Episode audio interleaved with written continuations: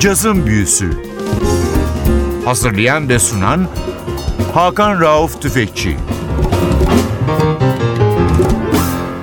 NTV Radyo hoş geldiniz. Yazın büyüsü başlıyor. Ben Hakan Rauf Tüfekçi ve Özdal. Hepinizi selamlıyoruz. Geçtiğimiz hafta sizlere Elvin Jones çalmıştık. Elvin Jones'un John Coltrane döneminde onun en büyük destekçisi sahnede ve kayıtlarda bir basçıydı. James Emory Garrison, bizim bildiğimiz adıyla Jimmy Garrison. Caz tarihinin geride kalmış ama bir o kadar da önemli ismi Jimmy Garrison hayatı boyunca kendi adına bir tek kayıt yaptı. Onu da Elvin Jones'la ortak yaptı. Biz de sizlere bugün bu kaydı çalıyoruz. Albüm 1963 yılında Impulse'dan yayınlandı. Albüm adı Illumination. Sanatçı 3 Mart 1934 yılında Georgia eyaletinin Amerikus kentinde dünyaya geldi. 7 Nisan 76 yılında 42 yaşında akciğer kanserinden New York'ta hayata gözlerini yumdu. Biz hemen albüme geçiyoruz. Albümden çalacağımız ilk parça albümde klarnet ve flüt çalan William Prince Lasha'nın bestesi Nothing Out.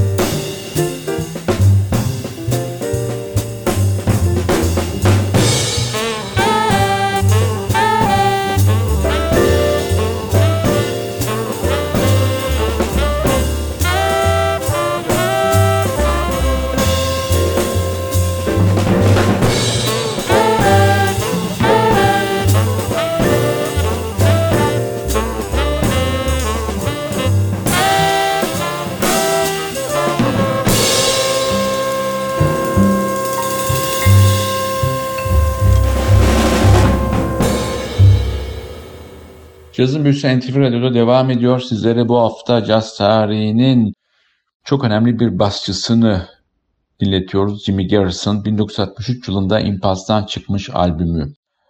Elvin Jones'la ortak albüm. Albümün adı Illumination. Sanatçı Philadelphia'ya geliyor. 17 yaşında ve burada basçı Reggie Workman'la tanışıyor. Daha sonra da McCoy Tyner ve trompetçi Lee Morgan'la sahne alıyor. 1957-62 yılları arasında gerisini trompetçi ve besteci Kenny Dorham'ın yanında görüyoruz. Dorham'dan sonra davulcu Phil Joe Jones, saksafoncu Bill Barron, Lee Konitz ve Jackie McLean sanatçının kayıt yaptığı diğer isimler. Kısa bir dönemde Benny Golson ve Curtis Feller'ın ritim seksiyon grubunu renklendiriyor sanatçı. Tekrar albüme dönüyoruz. Albümde piyano çalan McCoy Tyner'ın bestesi Oriental Flower.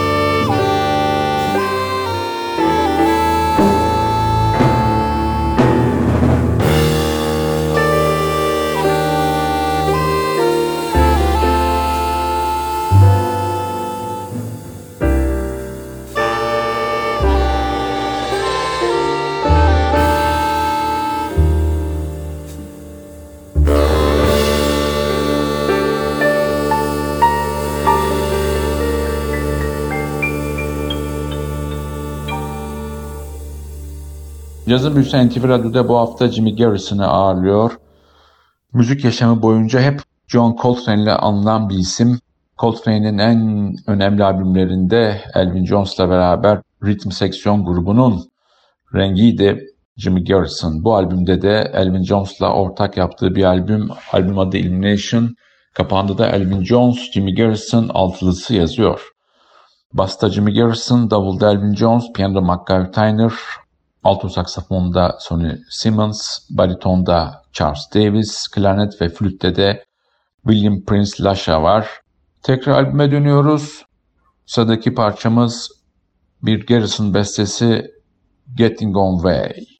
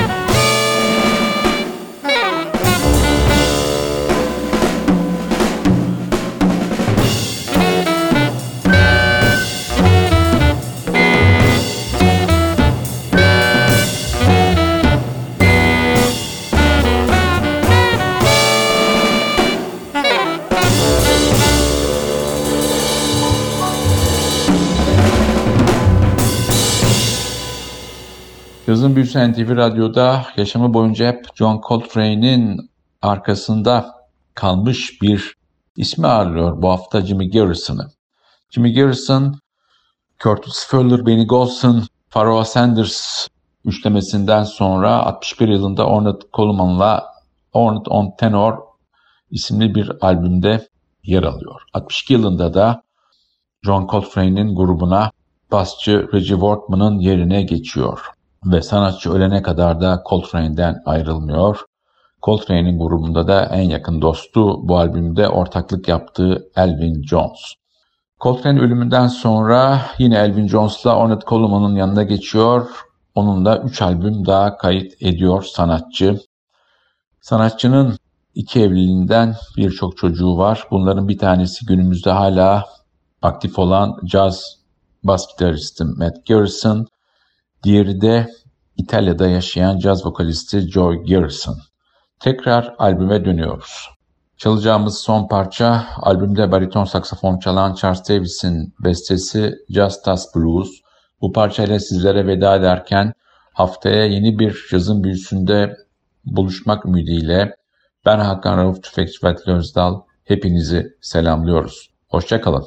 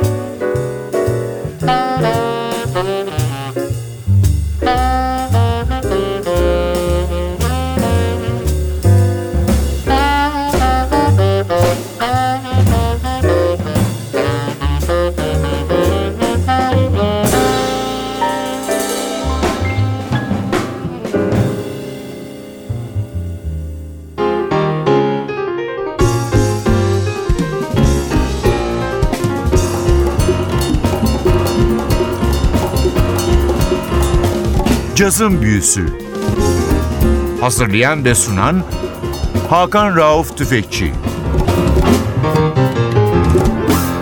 Cazın Büyüsü sona erdi. Programın tüm bölümlerini ntvradio.com.tr adresindeki podcast sayfamızdan dinleyebilirsiniz.